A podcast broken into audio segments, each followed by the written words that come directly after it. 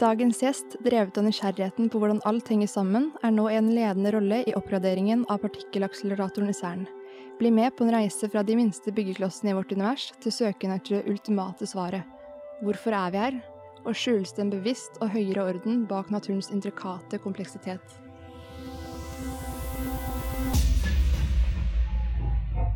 Hallo. Hallo.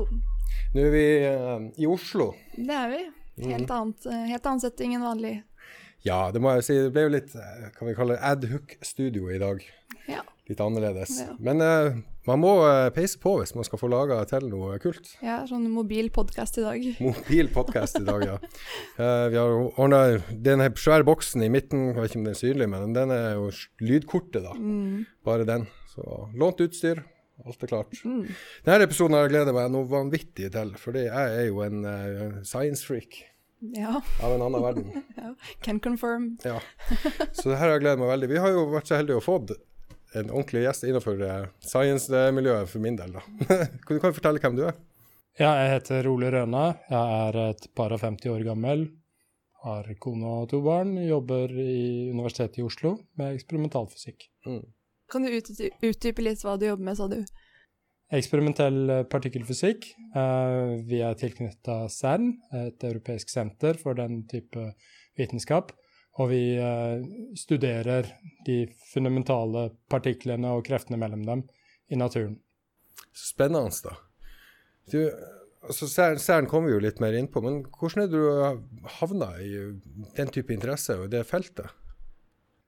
Jeg har alltid vært interessert i realfag og, og eh, fysikk etter hvert. Eh, noe av det har jeg fra min far, eh, som, som var ingeniør, og, og ble ganske tidlig klart at jeg skulle bli ingeniør som han. Så gikk det sånn nesten sånn, men, men ikke helt. Jeg er faktisk ingeniør, men i såkalt teknisk fysikk. Mm. Og da jeg var ferdig med det, så kom jeg til eh, Universitetet i Oslo og begynte å studere mot en doktorgrad i eh, partikkelfysikk, altså eh, ja, CERN-basert eksperimentalfysikk. Spennende. Hvor du er, jeg vet ikke om du sa det, men hvor du kommer fra? Jeg er født i Trondheim, eh, men eh, oppvokst i Sarpsborg, Mm. og bor i Sarpsborg nå. Ja. Du sa far din var ingeniør. Ja, elektroingeniør. ja. elektroingeniør. Mm. Og, s- og, han ville jo at du skulle bli det samme. Hvordan eh, hadde fant du ut at det var fysikk det var veien du ville gå, da? Jeg hadde noe med liksom tanken om å, om å studere det som var mer fundamentalt enn si, strøm og spenning og elektriske maskiner, som, som er det som ingeniører stort sett Mm. holder på med. Mm.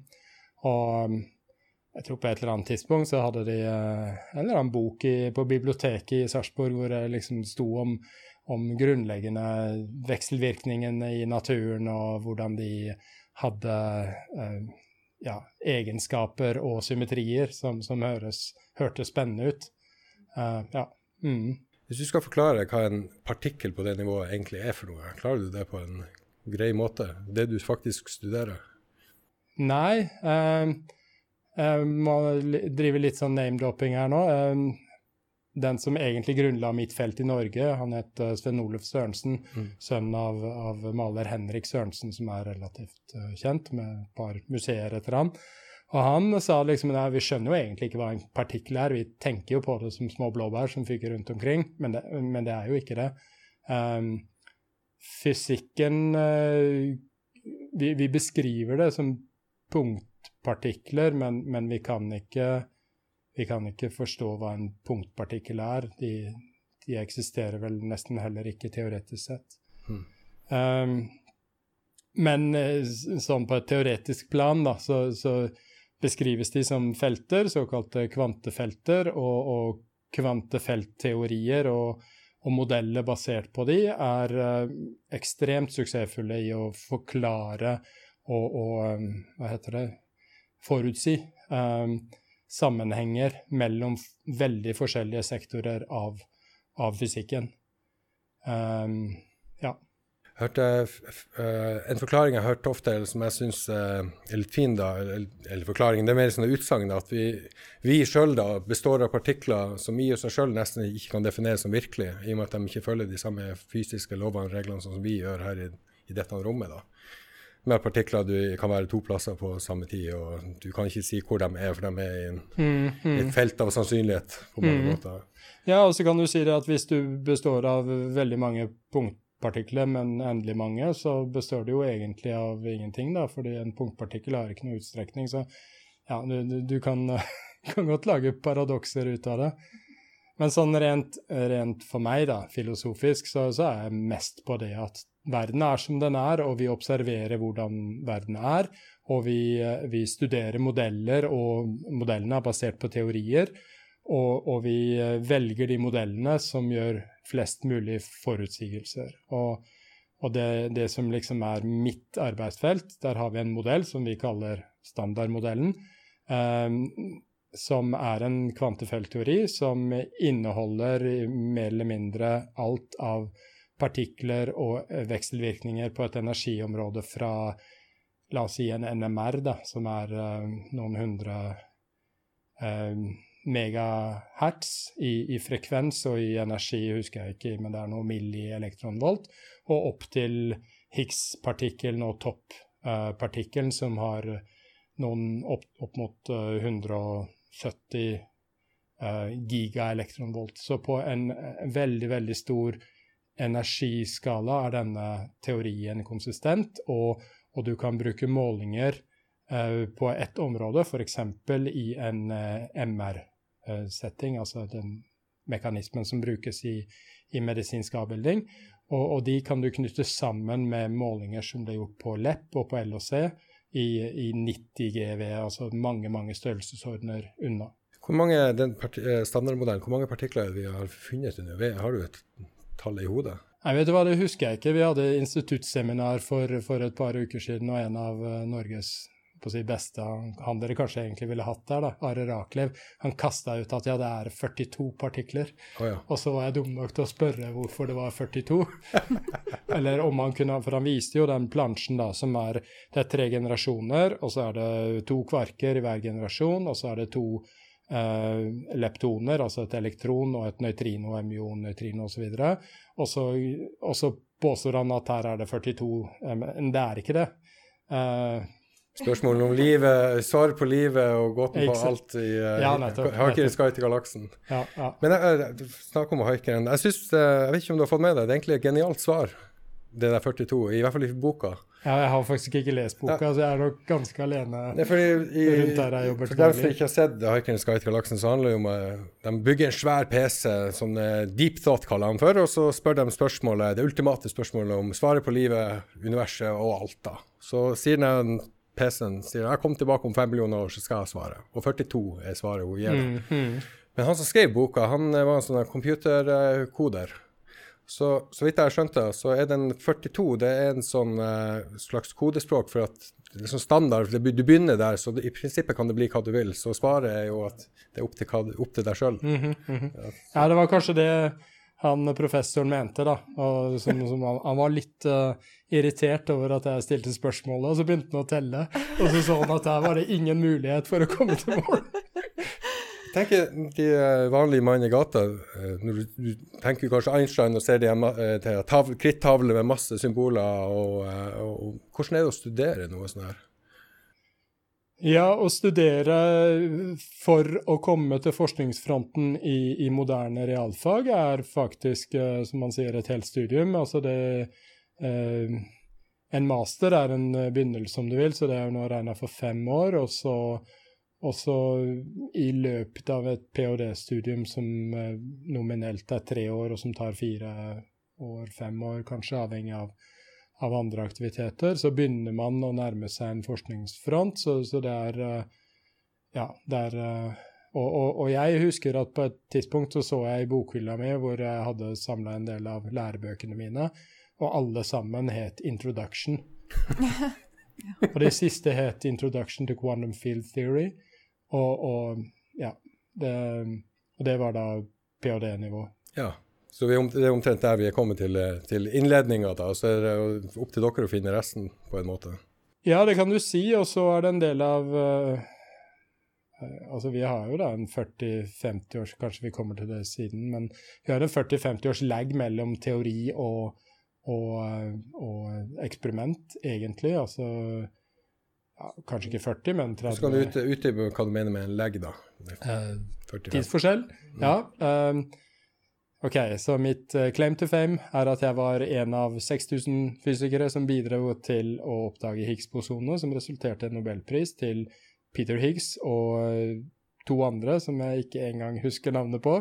De, de, var faktisk ikke så kjent for å ha satt fram den samme teorien. Uh, men det er en teori om det som kalles svake symmetribrudd, Uh, og som forutsier at det skal finnes en fundamental skalarpartikkel. Mm. Og den teorien kom i 1960. Um, ehm, og så var det andre aspekter ved den teorien som for så vidt kom til utover 1970-tallet. Men sånn rundt 1975 så eksisterte det vi nå kjenner som standardmodellen, mer eller mindre. Og, og oppdagelsen skjedde i 2012, så det er jo da 50 år etter. Og, og, og da hadde eksperimentalfysikere snakka om å bygge maskiner for å oppdage denne hypotetiske Higgs-partikkelen. Um, det hadde foregått i 30 eh, år, mer eller mindre. Og det var bøker som tilsvarende Hitchhiker's Guide to the Galaxy, det var Higgs Hunters Guide, altså, hva, hva, hva, gjør du for å oppdage Higgs? Jo, du ja. bygger slik og slik, og du utvikler eksperimentene slik og slik. Og det, så når, når ja, kanskje spesielt for et par år tilbake, da, hvor det begynte å bli populært Det også ligger jo langt tilbake med noe som heter strengteori, som er utrolig komplekse teorier, hvor, hvor det for så vidt ennå ikke er kommet konkrete eksperimentelle forutsigelser, og det å skulle planlegge for eksperimenter som muligens kan oppdage disse e-, eventuelle effekter av sånne uh, ja, strengteorier, eller det vi kaller grand unified theories.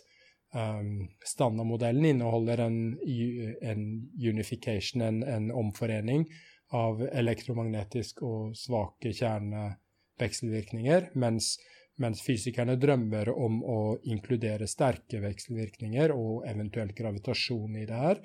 Og det å liksom tenke at ideelt sett den vakreste teorien vi kan tenke oss, er en teori hvor alle de fire fundamentale vekselvirkningene kommer fra en og samme um,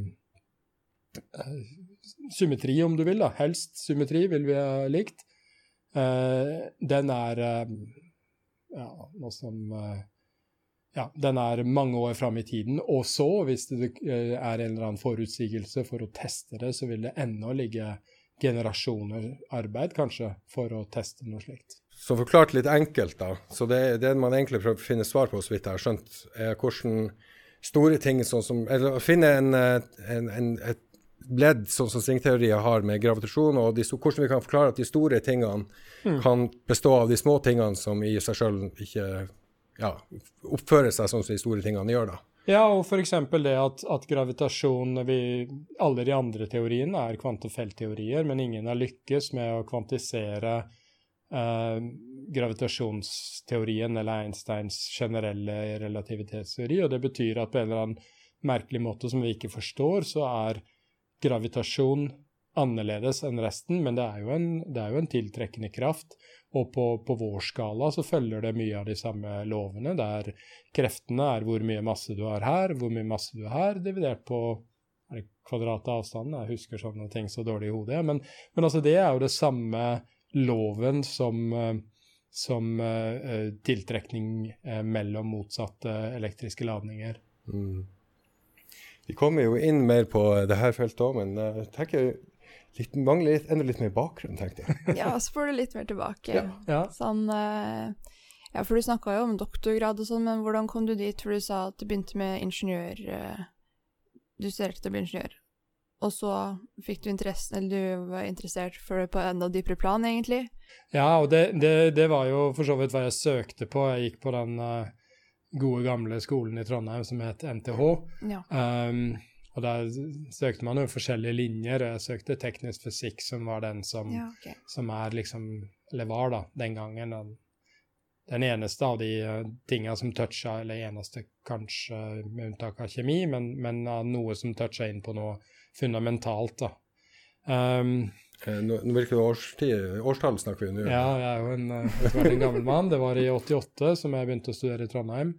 Um, og um, altså, hva blir man til? Altså En sønn av en gårdbruker blir en gårdbruker. Jeg husker at en eller annen forelesning på NTH, så spør foreleseren det var så et fag som heter samfunn og bedrift, tror jeg. Så spør foreleserne ut til editoriet hvor mange av dere har foreldre som har, eller far den gangen, som har studert på NTH, og mer enn halve editoriet rekker en hånd i været, da. Så, så det, det, er litt der, og, men, men, for meg er det også at, at uh, det å forstå ting var noe som jeg sikkert slet hull i hodet på faren min med, med å spørre og få han til å forklare tekniske ting Eh, men eh, elektroteknikk inneholder jo også disse tingene som har med felter å gjøre.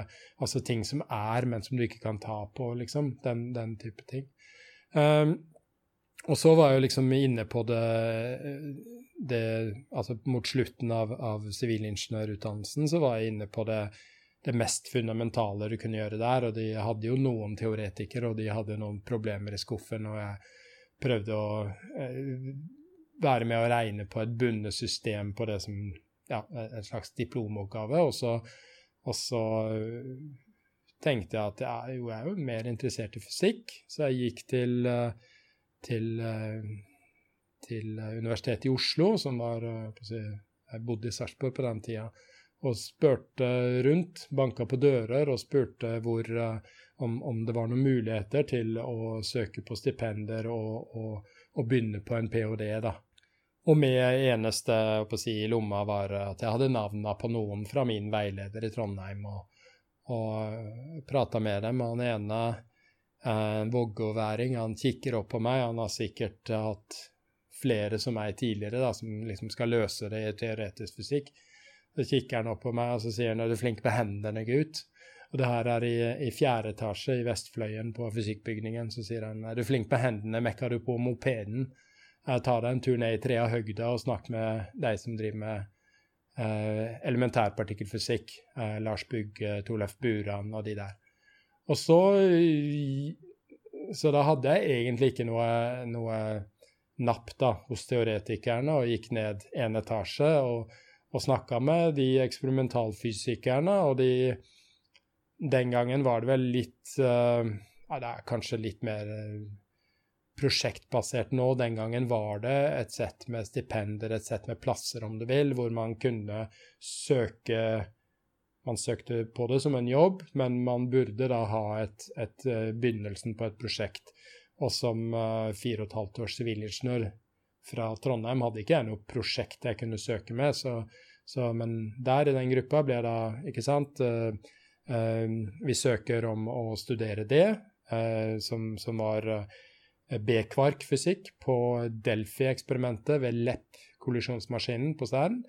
Um, og så var jeg heldig og, og, fikk da det stipendet, som også er en jobb, og, og ble da tatt opp som student eh, på doktorsjent, som det het den gangen. Og, og, Litt tilfeldig, rett og slett? På en måte. Ja, det kan du si. Og, på en annen side, når han eh, professor Høgåsen eh, Eh, nevnte de etasjen under som så drev med CERN, så visste jeg jo hva CERN var. Jeg visste jo at det var, en, eh, det var stedet for, um, for fysikk i, si, hele verden, i hvert fall i Europa. Um, det, og, og, det lå nok noe tilbake, ja. Nei, det um, Hvor mange er det som, som, kan sitte og klekke ut de, de dype teoriene. Nei, noen må bygge eksperimentene og, og, eller først, som jeg gjorde, analysere data, og nå etter hvert bygge eksperimentelt utstyr og sette, være med og sette det sammen, sammen med tusenvis av andre, og, og ja, gjøre eksperimentaldelen av det. Det er jo eh, ja, det er som du sier, det er noen sitter og tenker, sånn som så, så jeg sa tidligere, noen står på tavla med det igjen uh, og tenker ut Og noen må jo, som du sier, lage det tekniske. Og det er jo, ut ifra hva jeg har sett av mye av de duppedittene dere som lages for å finne ut av mange av de teoriene, ser jo rimelig avansert ut. Det er jo mange deler og ting som skal passe. For helt tatt finne ut og, og hvordan lager du deler der du skal lete etter noe du egentlig ikke har sett før? du må uh, begynne med noe du har, og så utvikle det. Og, så, og av og til er vi i uh, i teknologifronten. Av og til er vi en god stykke bak til teknologifronten, men kanskje i front på en eller annen anvendelse av det. Uh, ja, komplisert. Vi uh, Jeg har sett det skrevet på en, en vegg, jeg mener det var i, uh, i kontrollromsbygget for Atlas-eksperimentet. Der sto det The Atlas Experiment, og så var det malt oppover en trappegang. I skala, da, en, en toroidmagnet som det er, var det åtte av rundt hele den uh, Atlas-detektoren. Og ved siden av sto det noe om Atlas arguably the most complex human um, construction ever. Um, altså, man kan argumentere for at dette er det mest komplekse vi har bygd. Som uh, menneskeart, rett og slett? Ja, og det Kanskje er det å ta munnen litt for full, kanskje er det um, det, det, er jo snakk om hva, hva hvor, hvor, setter du grensen for noe, da? Men hvis noe er et system, så, så tror jeg det er en viss sannhet i det. En, en eksperimental en, en, en kollisjonsmaskinsdetektor består av veldig mange undersystemer som må fungere uavhengig av hverandre, men også sammen, og, og hvor man må synkronisere, man må, man må ta data samtidig. Man har um, jeg vil anslå kanskje 20 forskjellige detektorsystemer som alle sammen kjører seg en trigger, og så leses dataene ut i en rate som fortsatt langt overgår eh, raten i mange 4K-kameraer.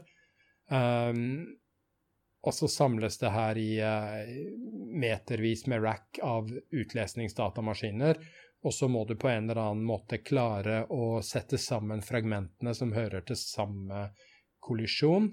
Synkronisere dataene da til slutt i en, en sånn global event builder.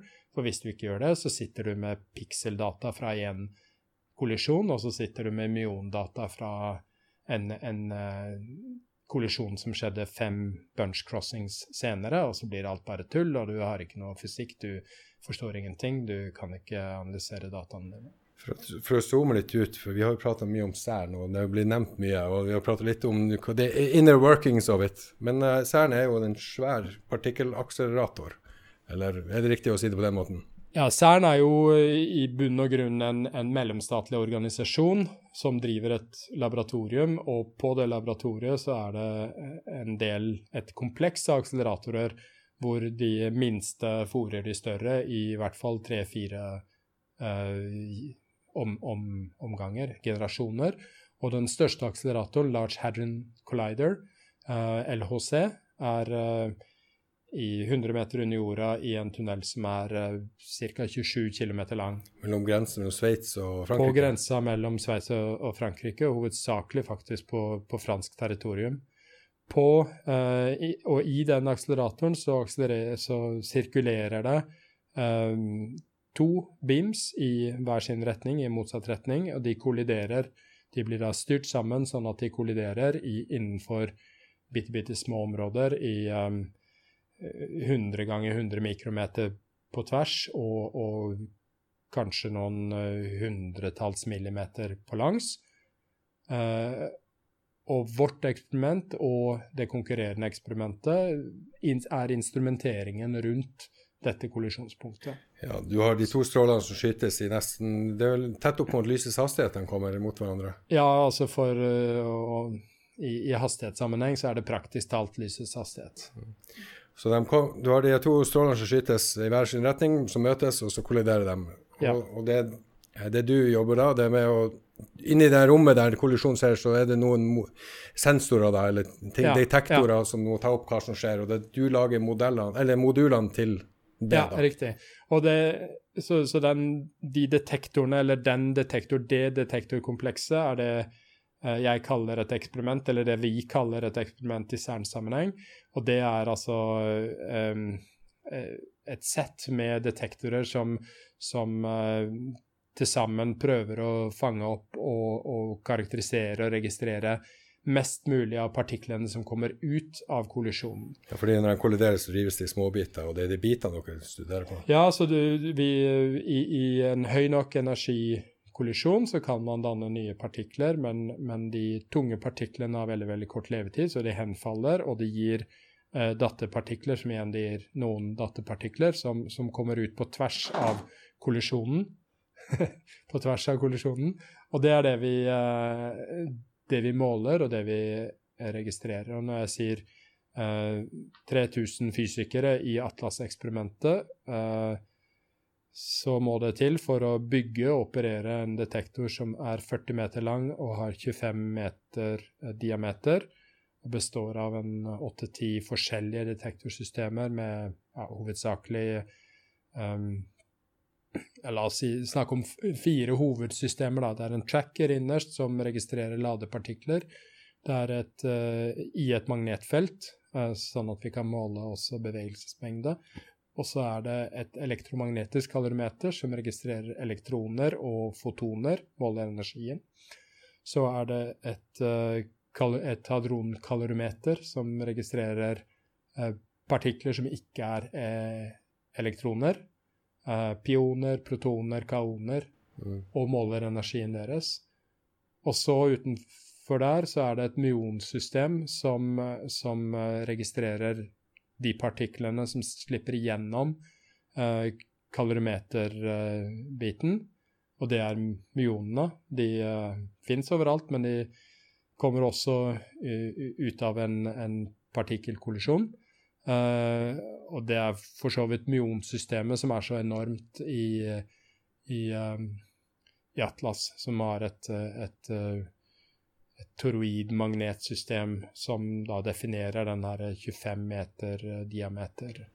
Du sa, du sa det var 3000 forskere på én liten del, og så 40 nasjoner, var det så å forstå?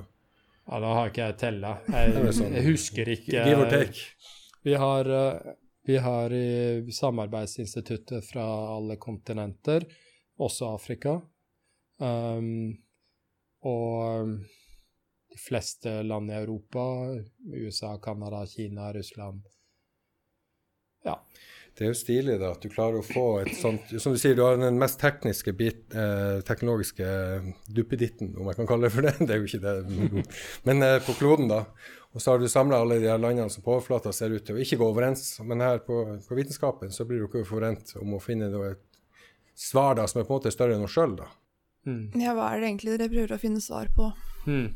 Det er å forstå partiklene og vekselvirkningene mellom dem. Eller eh, partikler er jo bare navn på det som vi kaller materie eller stoff og så hva som er vekselvirkningene mellom dem. Så, så, da har vi jo i bunn og grunn funnet én ny partikkel, og så har vi studert eh, stort sett to vekselvirkninger, altså den sterke kjernekraften og, og eller kvantekromodynamikk, og, og um, den elektrosvake kraften, da, som er en unifisert kraft av, av mm. Du sier uh, du har funnet én partikkel og, og, Ja, i, i min uh, i, den, i, din tid. I min tid, ja. ja. Det, var en, det, var jo en uh, periode hvor de sa det om partikkelfysikere at neste gang skulle de gi prisen til noen som ikke fant en ny partikkel, for det ville være mye mer spennende enn å finne en ny partikkel. Vi snakker 1950-tallet. Da var det sånn at hver gang de, de skrudde opp energien, så, så, så fant de noe nytt. Og så fant de et, et et menasjeri, et, uh, et, veldig forvirrende system av, av, partikler som kanskje i utgangspunktet ikke hadde noe system. Um, og så har det da skjedd gjennombrudd, som vel egentlig er å, å si at den, uh, disse, alle disse hundretalls, tusentalls partiklene man fant på den tiden, er, er ikke fundamentalpartikler. Det er sammensatt av, av kvarker hovedsakelig. da. Som, så det er større partikler som er bygd opp av mindre? Ja, om de er større eller ikke, det er litt ja. vanskelig å si, da. Men, men, de har i hvert fall en, en, indre sammensetning, kvarkene, rett og slett. Så, så, da kan man si at man har funnet en ny partikkel hvis man har funnet en ny sammensetning av kvarker, men, men uh, Higgs-bosonet, som, som, da ble funnet uh, av Atlas og CMS, konkurrent, konkurrenteksperimentet, er uh, er en fundamentalt forskjellig partikkel fra de andre, og den, den, har, den, er en Vi kjenner ikke til at det er en sammensatt partikkel. Teorien uh, forklarer den ikke som en sammensatt partikkel. Okay. Så det er bare helt egen enhet? Ja, noe som, og, og noe som faller ut av ligningene, ut av modellen. Um, og, og, modellen, det er litt sånn tilbake til uh, dette med symmetri, som er noe som vi uh, gjerne forbinder med uh, skjønnhet. Noe, noe, er vakkert fordi det er symmetrisk. Og, og, og så er jo ikke verden perfekt symmetrisk. Og det de fant ut altså Higgs først fant ut at, at det her må det være en eller annen form for et brudd på en symmetri. Um, Eh, og så fant han, eh, han eh, en mekanisme, han og de to andre som jeg ikke husker navnet på, en mekanisme hvor du kan ha en, en fundamental symmetri, men den er brutt i, i, i, verden, altså i, i den, det universet vi, vi befinner oss i, da. Det, det har vært sammenligna med å, å, ta en, en, eh, bøyelig strikkepinne og prøve å klemme den, klemme den gjøre den kortere. Også, og for en strikkepinne, hvis den er helt rett, så er den jo symmetrisk. Og hvis du klemmer hardt nok, så, så går den ut i en bue.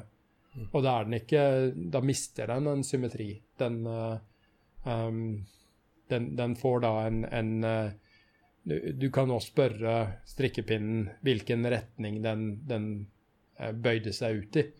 Den, så den er ikke lenger 360 grader symmetrisk i, om, om, aksen sin. Mm. Og, og, eh, det svake symmetribruddet som, som Higgs eh, for så vidt forutså eller, eller beskrev teoretisk, eh, det er en, en, en, sånn type symmetribrudd. Ja. Um, og så viste han at dette symmetribruddet kan brukes til å gi masse til noen partikler, men ikke til andre. Og de partiklene som får masse, kalles W og Z. Og den partikkelen som ikke får masse, er fotonet, som er masseløst. Uh, og så ramler alle tingene på plass, mer eller mindre. Du finner forholdet mellom massene til W og massen til Z.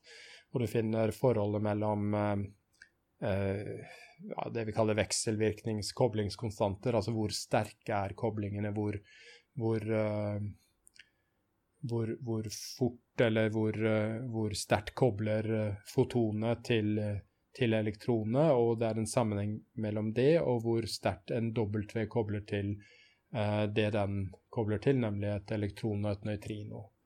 Og alle de tingene henger sammen fordi det er en, en, en underliggende teori som er basert på den symmetrien. Ja. Hvis vi går bort litt fra tek rent tekniske, hvordan er det å jobbe der? Hvordan er en arbeidshverdag for deg nede på Særen med alle de folkene og gå og rense og Hvordan er det?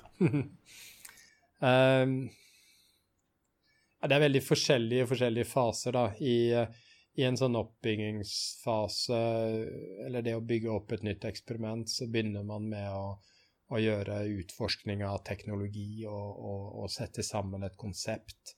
Og, og, i den fasen har det vært, og, nå har jeg vært mer involvert etter hvert uh, i, i neste generasjon, så er det mye, mye, politikk som skjer rundt omkring der hvor, hvor, folk posisjonerer seg. De ønsker, alle ønsker å være med på den spisse enden, alle ønsker et bidrag til det som er, har høyest prestisje, og ingen ønsker å bygge bygge Legge kabler eller bygge kjølesystemer, liksom. Det er ikke så veldig hot. Um, så, så, så, så, det er et uh, Altså en sånn derre Både en intern konkurranse, samtidig som vi har en ekstern konkurranse om å, om å, få finansiering for det vi ønsker å gjøre, i konkurranse med andre fagområder som har sine eh, prosjekter som de ønsker finansiering med. Um, og så eh, går en jo da over i en, en, fase hvor en faktisk begynner å bygge i hvert fall prototyper og, og teste prototyper. Uh, utvikle designet uh, og, og, etter hvert da bygge bygge ting i en slags sånn seriemodus. Skal man ha 200 moduler, så må man tenke ut hvordan man kan bygge 200 like moduler. Og da kan man ikke gjøre alt for hånd. Um, men sånn eh, rent hverdagsmessig for meg er en god del av min hverdag er å ta på meg en, eh, det noen svensker kaller en smurfdrakt, en, en rentromsdrakt, og, og, gå inn i et, et, rom hvor vi har uh, ja, maskiner som, som, vi bruker til å, å bygge detektormoduler. Mm. Um, og, og, faktisk utvikle byggeprosessen også. Um, um, ingenting av det her er noe som finnes ferdig utvikla. Det kunne vært et alternativ å, å, be profesjonelle i industrien om å bygge det for oss, men, men i hvert fall i, i, Norge har vi valgt å investere i utstyr for å utvikle og bygge selv i, i en sånn begrensa produksjonsvolum. Er Norge eh, høyt oppe på, på bidraget, eller? vi er jo få og små. Um, jeg tror vi er 0,9% eller 0,89% av, av Atlas sin oppgraderingspakke, så vi er bitte små, faktisk. Og um, vi er ganske stolte av at vi får lov å være med i den aller spisseste enden i det første laget som skal uh, fange opp partiklene rett etter kollisjonen. 30 mm fra kollisjonspunktet.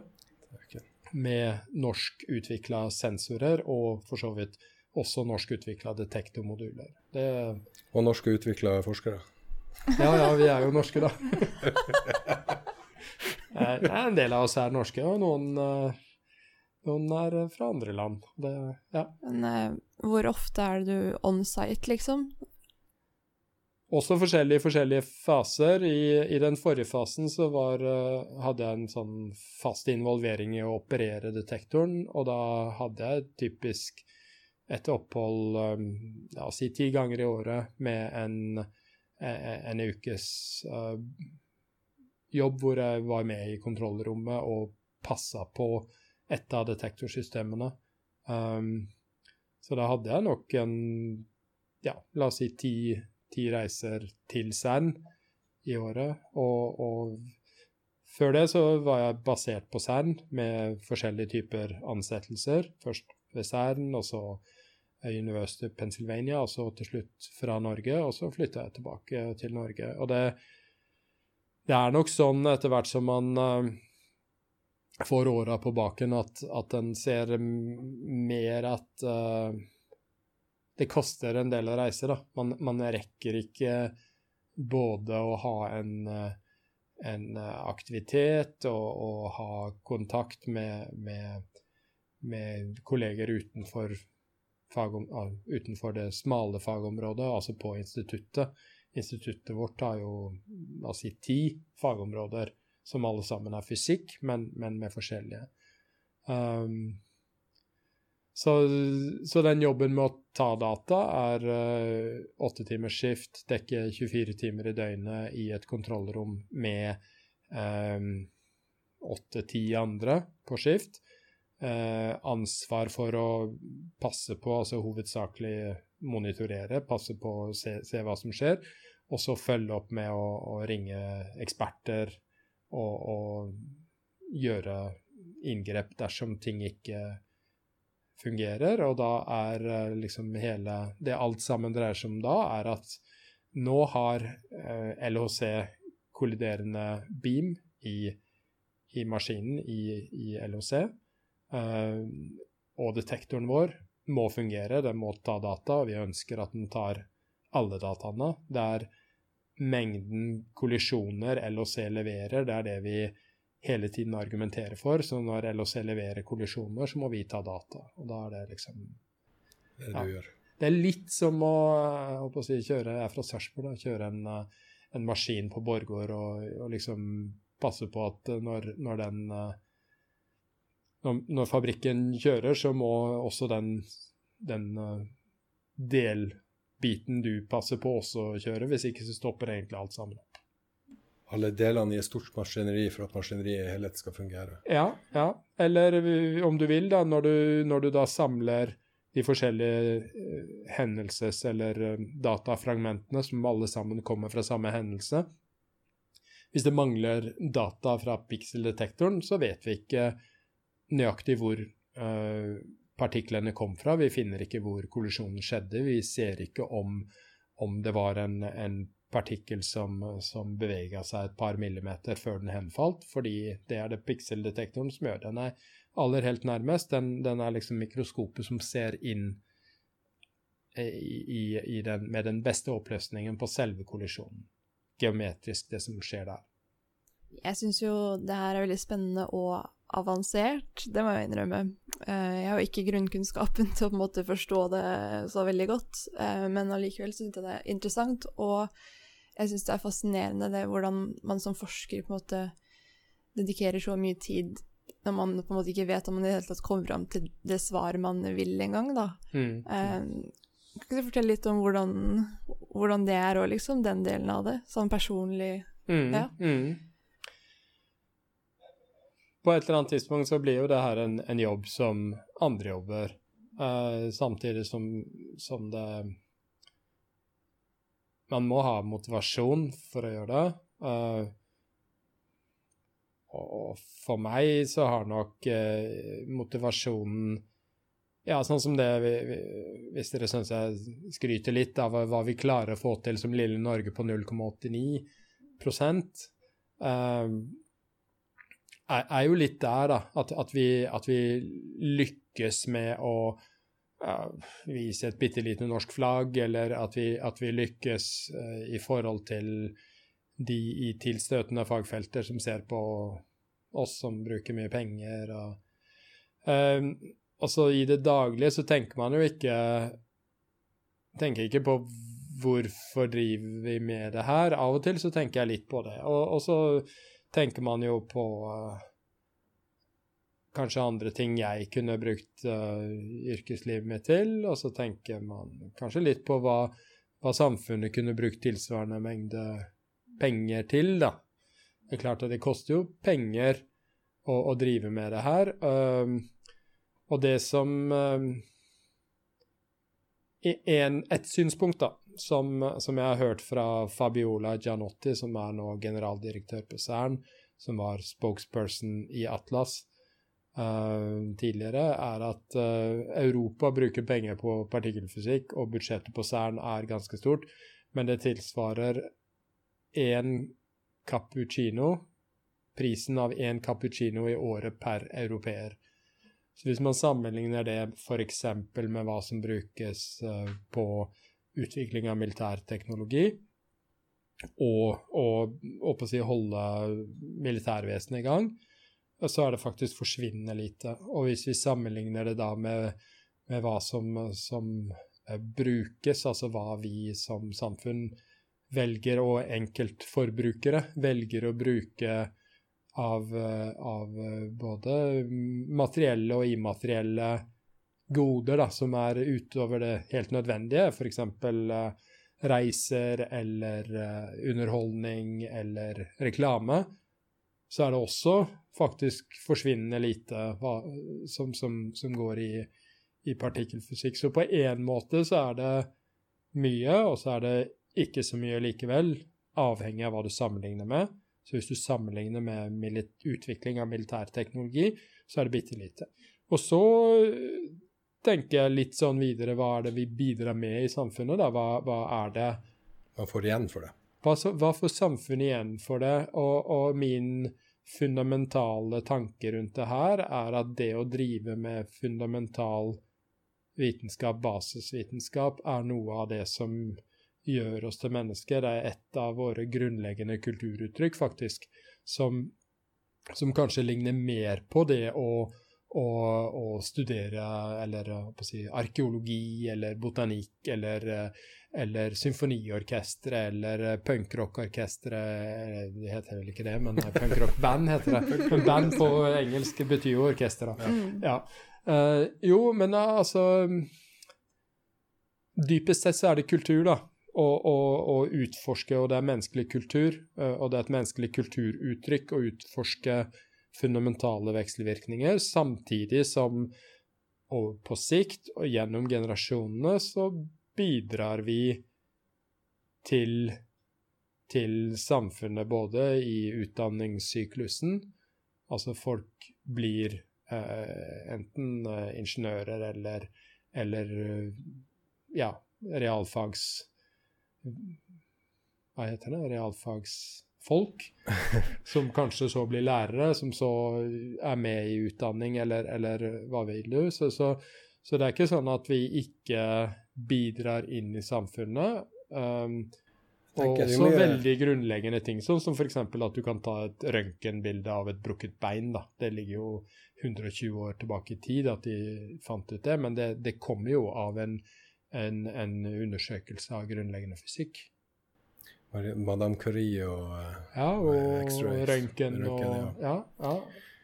Det er, sånn, det, er jo egentlig det, det var egentlig det jeg skulle si. Da. For det blir, Hvis du tar litt, ser på litt større Det blir jo um, det argumentet jeg bruker å høre hos mange eller, Jeg syns det er veldig artig når jeg ser folk på Facebook eller hvor det måtte være, sitte og klage på at vi bruker så mye penger på, på universet, romfart. Og, mm. og typ, det blir jo litt av det samme, da. Men så kan du jo også si hvis du, du sitter og klager via telefonen din på at vi bruker masse penger på romfart, men hvis du tar alle pengene på kloden som brukes jo alt her på kloden, men det er jo en veldig liten del som vi får veldig mye igjen for. da. For det er jo mm. den tenker Når vi lærer oss å skjønne hvordan alle de her partiklene og tingene fungerer med hverandre, så kan det jo være teknologi vi måter vi kan lære oss å bruke det på, som vi ikke kan se for oss den i nå, da, men kanskje om mm. fem generasjoner eller seks generasjoner fram i ja, tid. Der, men der igjen må vi være ærlige og si at vi kan ikke love det. Vi kan ikke love at at vi skal kurere kreft eller, eller uh, løse verdens sultproblemer eller, eller klimakrisa, egentlig. Men, uh, men uh, ja, evnen, evnen, til å modellere store systemer, f.eks., har jo et, en opplagt Hva skal jeg si Det betyr mye for å forstå f.eks.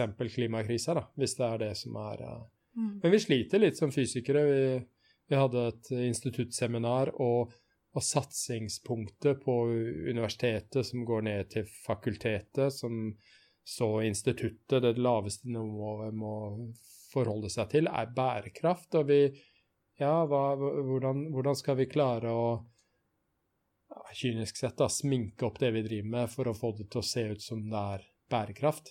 Det, det var ikke noe godt svar på det. Eh, Kanskje kjernekraft faktisk har begynt å bli litt bærekraftig igjen, men det er en annen du, diskusjon.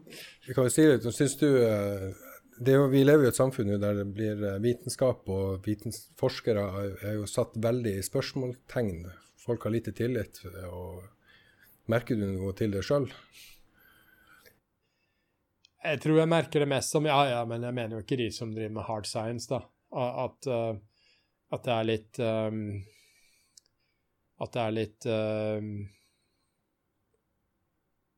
Hva skal jeg si man, man, kan liksom ironisere eller høre sarkasmer om at ja, forskere har sagt det, og så om, om, fem år så sier forskere noe helt annet. Og, um, men kanskje er det fordi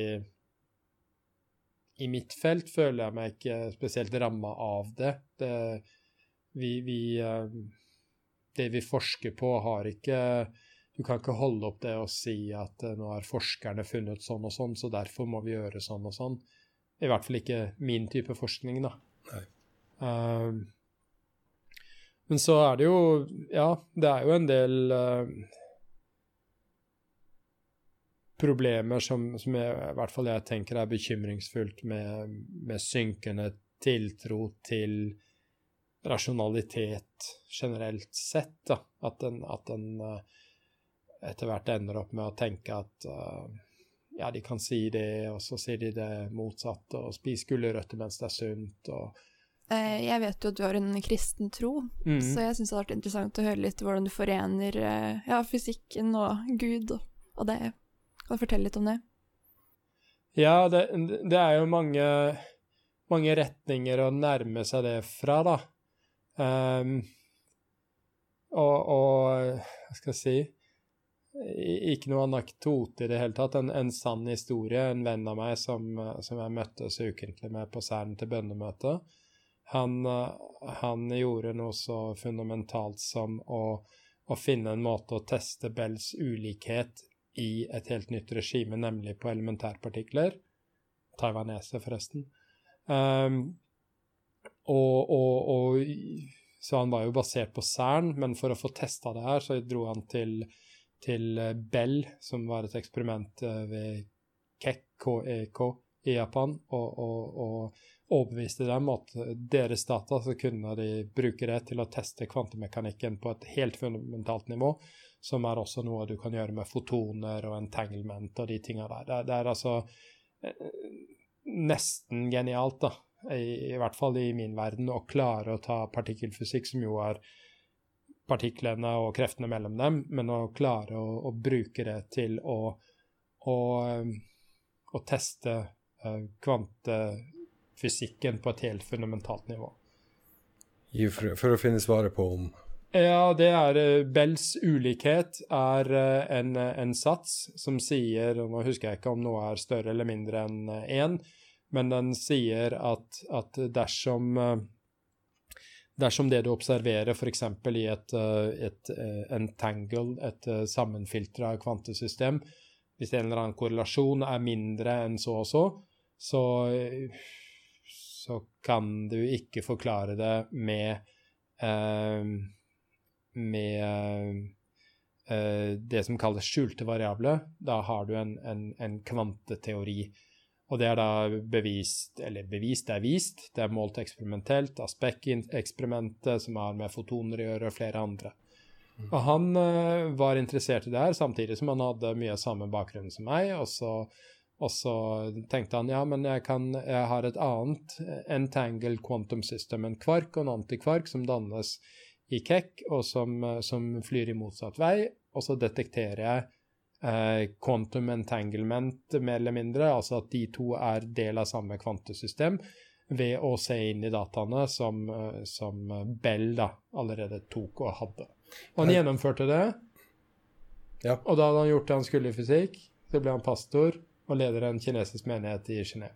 For det, det, han prøver å finne ut om det er egentlig intelligent design bakom, eller Nei, i, i, ikke Nei. egentlig det. Han, han, han hadde ingen, ingen sånn der religionsfilosofisk agenda med, med fysikken sin, men, men, for han var det Ja, men OK, da hadde han jo gjort det som han var interessert i å finne ut i fysikk, og, og, og så ble han altså pastor isteden.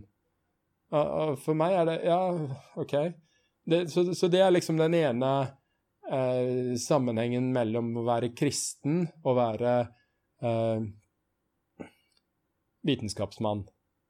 Eh, og det du observerer, er det du er, det det, det er, og, og du, du, studerer en reell verden. Og, og for så vidt den, den, grunnleggende tanken er jo at det er et system i bunnen. Altså verden er rasjonell, og, og i i um, vitenskaps- og religionshistorien, så er jo nettopp tanken på at, at, eh, det finnes fundamentale, uforanderlige lover, er noe som, som eh, mange hevder kommer fra kristendommen. Eh, og så i den andre enden av liksom av hvordan går ting sammen, da, så leser jeg på forskning.no en, en, bestemt skribent som, som skal omtrent alt som finnes, og spesielt innen, innen eh, evolusjonærbiologi, til å hva skal jeg si, motbevise at et eller annet uh, Og jeg vel, står vel der, da, at jeg, jeg, prøver Jeg har ikke den agendaen at, at jeg skal bruke at jeg skal studere noe i fysikk som skal bevise noe om Gud. Og det hadde ikke min venn Apollo Go heller, sånn jeg oppfatta han og kjente han. Uh, på en annen side så ser jeg jo da uh, men kanskje mest på populariseringsfronten, da, en, en, viss bevegelse som er nærmest det at ja, nå skal vi oppdage det. Ja, hvis vi oppdager eh, mennesker på andre, eller intelligente vesen på andre planeter, så må jo Bibelen være feil. Eh, ja, ja, nei, hva, hvorfor det? Jeg syns det er veldig interessant, for jeg er jo overhodet ikke religiøs. Ja, ja. Um, så for meg, ut ifra hva jeg Nå har jo ikke jeg ditt kaliber på det her feltet, men ut ifra hva hva jeg har skjønt av alt, så er jo alt tilfeldig, da. Ting, du har jo den der uh, ideen om det perfekte univers, da, at du har partiklene gir fra seg akkurat så, så mye energi for at den andre partikkelen skal kunne eksistere, og, alt er så i balanse. Men er det Jeg tenker jo Spørsmålet koker ned til slutt, som, som, du sier, om det er noen regler som ligger der fra før av fordi de er satt der av noen, eller, eller av noe, eller noe som er større enn oss sjøl, eller er det ikke det? Jeg tenker jo bare det at universet i seg sjøl kom av seg sjøl, da. Ja, ja, og det er, det er jo en, en, en, Hva skal jeg si En, en, en gyldig tanke. Det er et, et, et, gyldig tankesett. Det er ikke Og jeg tror ikke verken den ene eller andre Altså, jeg kan ikke bevise at Gud fins. Jeg kan ikke bevise at Jesus sto opp fra de døde. Uh, men jeg, jeg, liksom Jeg uh, rygger litt, da, når, når, når, bestemte skribenter, som ofte er, uh, er inspirert av The God Delusion, prøver Richard å Dawkins. Dawkins, ja. riktig. Prøver å bruke Hva skal jeg si Det her omtrent Ja, militant, da. Den, den derre militante ateismen som, som ja, som skal motbevise at, at Gud uh, eh, fins, eller motbevise at Jesus står opp fra de døde. Det, jeg vet ikke, jeg har jo egentlig ikke noe å si til det. Jeg tror at Jesus lever, og det er ikke Det forandrer seg ikke av at uh, det synspunktet blir angrepet. Det um, Altså tenker jeg at det er at det er litt naivt av en, en, en, liten gruppe der, kanskje er den gruppen, og den gruppen er kanskje i tilbakegang også, da, og tro at nå skal de løse et eller annet som, som, skal liksom sette den siste spikeren i kista på, på alt som har med tro å gjøre. Som, som om Ja. ja. Mm. Uh, nå, nå, nå, begynte jo jeg å, å, fortelle om min venn Apollo Go, men, men, man kan jo gå lenger tilbake i, i tid, da, og, og kanskje, kanskje, snakke litt om uh, det jeg oppfatter som en, en slags uh, tilsnikelse av den, uh, av den uh, fra den militante ateismen sin side, da. Da må du hjelpe meg med det. Type Lawrence Krauss. Riktig, mm. riktig. Det var navnet. Jeg hørte han, jeg hørte han i et instituttseminar hos oss hvor han omtrent liksom harselerer med, med noens motstand mot uh, Uh, ja, Big Bang eller den moderne kosmologien, da, som, som, sier at alt kommer fra ett punkt. Jeg skal skyte inn at Lawrence Krause, en amerikansk uh, kan, kan bli teoretisk fysiker. Ja, astrofysiker, tror jeg, og, ja. og leder et stort uh, Eller leda den gangen, i hvert fall. Jeg vet ikke om det har fått funding, kanskje ikke under Trump. Et, et stort prosjekt som går på, jeg tror, universets begynnelse.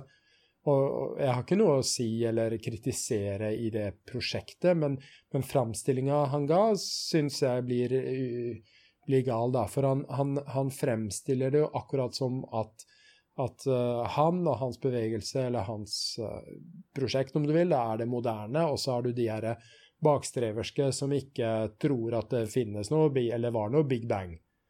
Og så leser jeg litt tilbake, og så ser jeg at ja uh,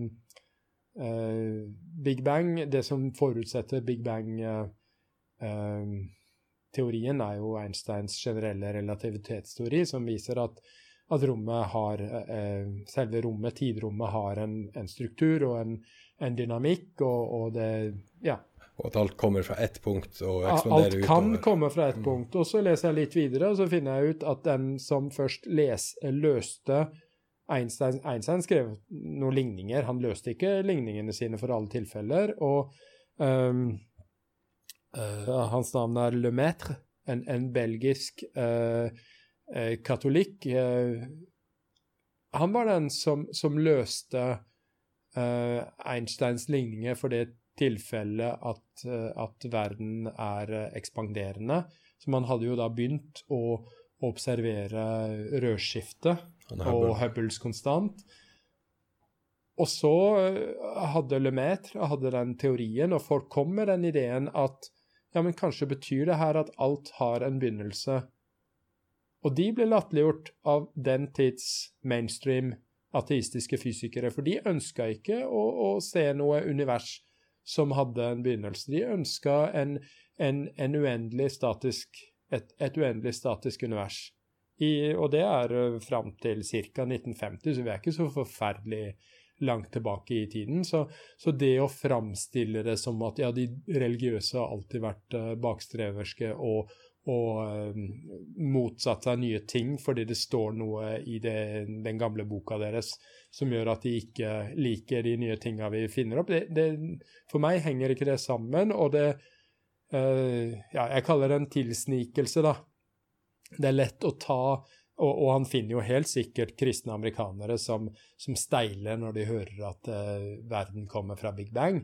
Det, det, har han helt sikkert rett i, og, og det er også en del av bildet. Men, men å liksom ensidig framstille det slik at troende mennesker ikke forholder seg til, til uh, vitenskapelig teori, vitenskapelig uh, observasjon, eksperiment. Det For meg er det feil. Uh, jeg flirte litt, for jeg kom til å tenke på det. De har jo gått litt full sirkel, da, hvis du tenker at um, Galileo Galilei blir fengsla av kirka, satt i husarrest. Og nu, så kommer vi nå der, der, det er en, en, en katolsk en, katolsk person som løser sin ligning om ekspandering i universet. Og han, da ble han latterliggjort av type Galileo Galileierne altså, Ateistene eh, kritiserer da de religiøse på en måte. Så det er jo litt full sirkel. Ja, og så eh, hvis en begynner å, å, grave litt bak de her historiene, da, enten det er Galileo Galilei eller brenning av biblioteket i Alexandria, så er det alltid mange andre fasetter enn en akkurat den uh, ja, det som, det som, religionskritikerne ønsker å trekke fram, er nemlig konfrontasjonen mellom den ene eh, heltevitenskapsmannen som hadde vyene også framover, og, og, kirkens maktbruk. Um, og så har ting andre fasetter enn det, da. Etter det første, eh, et av de første Politiske, blant annet. da. Ja. At uh, ja. Etter det første ordentlig moderne i, i, sin tid observasjoner var jo strengt tatt i, eh, i uh, Vatikanbyen, da. Mm, mm. Faktisk. De, de, hadde bygd et svært observatorie der på toppen, og så sto de og studerte stjernehimmel derifra. For jeg tror de uh, ville unngå å havne i den samme fella som de gjorde med Galileo Galilei. Ja, det, det, jeg har hørt andre fasetter av den samme historien. Det var vel um Hawking, som, um, som uh, skriver om det i, i boka si uh, 'Brief History of Time', at han ble invitert til et, uh, et si, pavelig vitenskapsseminar da, for å snakke om å, å, være med og, og, forstå det her med nettopp kosmologi som, som Hawking var opptatt av. Jeg tenker på, en, på et plan da, så er vi jo alle, om du er ateist eller om du er religiøs, så er vi jo på en måte ute etter samme, samme greia. Eh, samme svaret, da. For vi, som du, sa, har, eh, som du sa litt tidligere om det at det er litt kulturspørsmål, det med Cern, å bruke penger på å finne ut av de her tingene. For det handler jo om hvor vi kommer fra, på en måte. Hvor, hvor ja, vi... og det handler om, om uh, søken etter sannhet. Og, og, og min tro er at, at, det en, at, det finnes objektiv sannhet, at det finnes, uh, det finnes, absolutt rett og galt, godt og ondt, uh, men også jeg er inn på det der med at, at, at uh, det er faktisk orden i kosmos, på tross av er det den andre eller tredje termodynamiske sats som sier at, at uorden stadig øker. Men. Men altså, ja, entropien eh, øker i alle, alle prosesser, alle irreversible prosesser. Uh, at, at, det Ja, at, at, det er et uh, Selve troen på at det er et system bak det, da. Det tenker jeg det Simulering?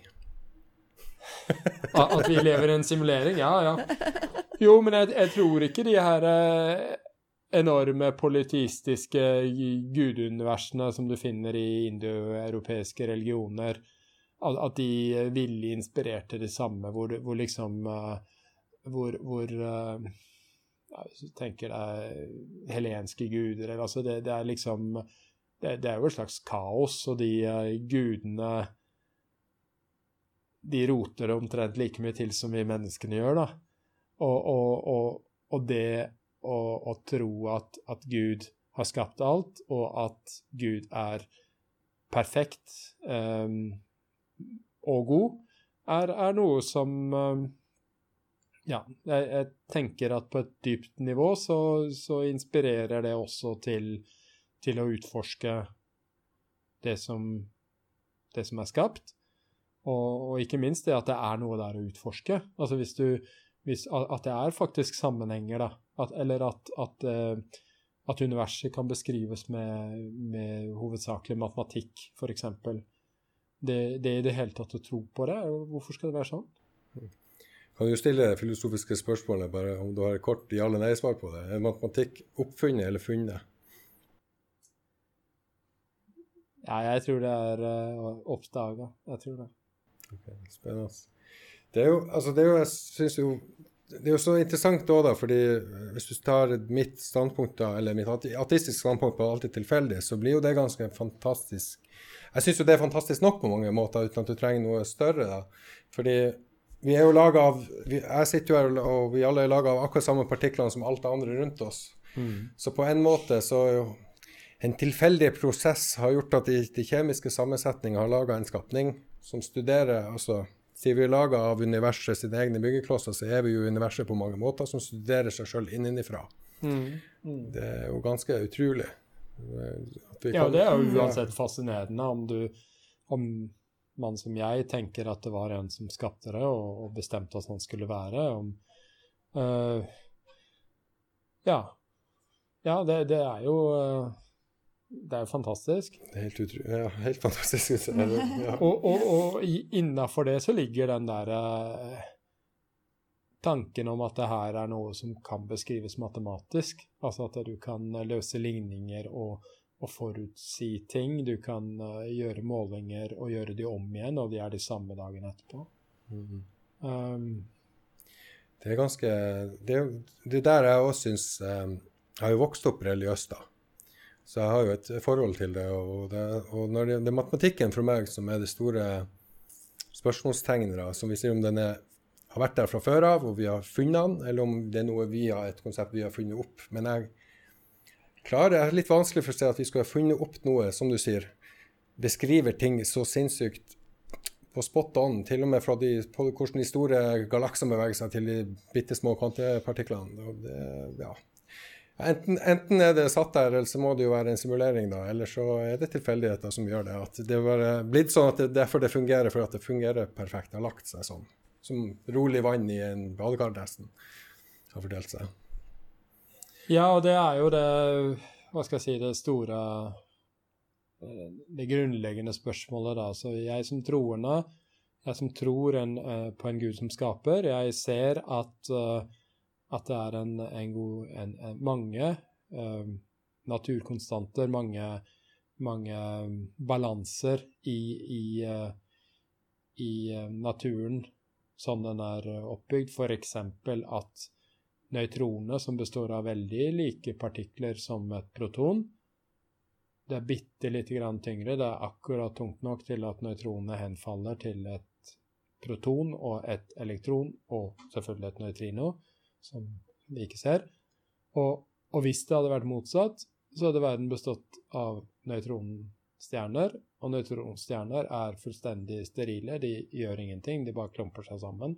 De, de, er som enorme atomkjerner, men de, de har ingen uh, Ingen som helst Altså, de, de kan ja, nei, de, altså det, en, en verden hvor nøytronene er stabilt, kan ikke ha soler, de kan ikke ha planetsystemer, de kan ikke ha atmosfære, de kan ikke ha vann, de kan ikke ha noen ting, de kan ikke ha mennesker. Og, og, det er bare én av Jeg tror det er i alle fall en håndfull tilsvarende fine-tuning-problemer, da. Som jeg forstår ateistene, og, og som jeg sier, det er også et gyldig standpunkt. De sier at vi befinner oss i et univers som på en eller annen måte har, er uh, Eh, spesielt, og det som er spesielt med det, er at vi eksisterer i det, og vi vet ikke noe om alle de universene som kunne eksistert. Fordi der er vi ikke, fordi ja. vi eksisterer ikke. Det hva det heter det? Er, Multiverse. Ja, eller, eller Ja, riktig, men, men, altså Ja, vi vet ikke om om Ja, vi vet ikke om alt det andre, for der er vi ikke. Vi, vi, er her, og det kalles det antropo et eller annet uh... Ja, jeg husker ikke hvor Antropologiske. Ja. Antropo... Ja, OK. jeg husker ikke. Antropo et eller annet, ikke logiske, men prinsipp, som er det at uh, det vi ser, er som det er fordi vi er her og ser det. Det er akkurat som å gå ut på gata og si her ser jeg et femsifra bilskilt. Hva er sannsynligheten for å se et femsifra bilskilt? For å se akkurat det skiltet? Jo, det er det er 100 eh, 000 forskjellige bilskilt, men, men eh, sannsynligheten er én, for jeg så akkurat det skiltet. Og det er jo like tilfeldig om du ser det skiltet, eller som du ser det andre skiltet ja, som kjører ja. forbi det. Og så i, det, i, den sammenhengen her, med universer, så, så, så er vi bare der vi er, og, og vi ser bare det som, som kan gi mulighet til liv. Og det Ja, jeg er enig i at det er et, et gyldig standpunkt. og jeg mener at å tro at Gud skapte alt, og at det er skapt slik for at vi skal kunne leve, at vi skal kunne leve i fellesskap og oppleve kjærlighet eh, Det vi kaller tro, som, som, for meg betyr å venne seg til Gud eh, og, og, ha fellesskap med Han. Eh, Gud har skapt det for at det her skal være mulig, og han har skapt det slik at det er mulig. Det er driver, driver jo menneskeheten fram og har forskjellige standpunkt på uh, Ja, kanskje hvis, i hvert fall hvis det er i, i fredelig sameksistens. Ja, jeg, jeg, må si det at, uh, at jeg er um,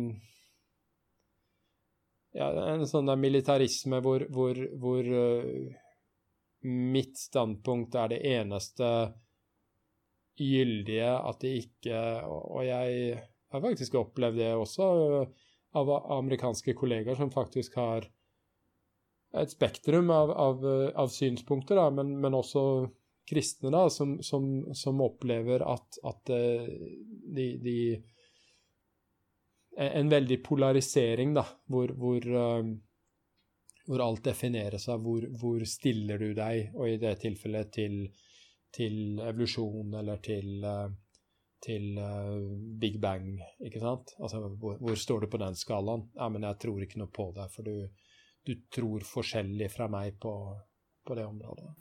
Det er veldig, veldig spesielt. og sånt. Du har jo dinosaurbein som graves opp. Men samtidig, jeg bruker jo å si det òg, da, som mitt argument eh, for at universet er tilfeldig og mennesker egentlig ikke er så viktig, er jo det at hvis en svær nok meteoritt slår ned i morgen og vi alle dør, så universet går videre.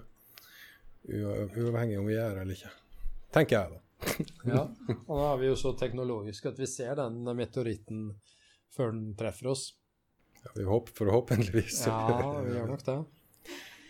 Ja, jeg begynner å nærme oss på tida. Mm, si tusen takk for at du har delt av livet ditt og jobben din og troen din. Mm. Det har veldig, vært veldig interessant. Absolutt. Det, det her har jo vært litt sånn som jeg sa, jeg gleder meg skikkelig, for det, det er gøy. Ja. Det er absolutt gøy. Tusen hjertelig takk. Det har vært hyggelig å, å være her og snakke med dere. Så, ja. Vi gleder oss å få det her ut til alle vårt eh, flotte publikum både på Spotify og YouTube og alle andre plattformer. Kunsten å leve er en podkast skapt av mediestudenter i Kristiansand. Programledere er Daniel Aasli og Hanna Gressum Antonsen. Klipper og teknisk ansvarlig er meg, Jostein Nevervei. Musikken er produsert for oss av Birger Dahl, og logoen er av Gabriella Kaczmarek. Husk å følge Kunsten å leve både på Instagram og Facebook for å følge med videre.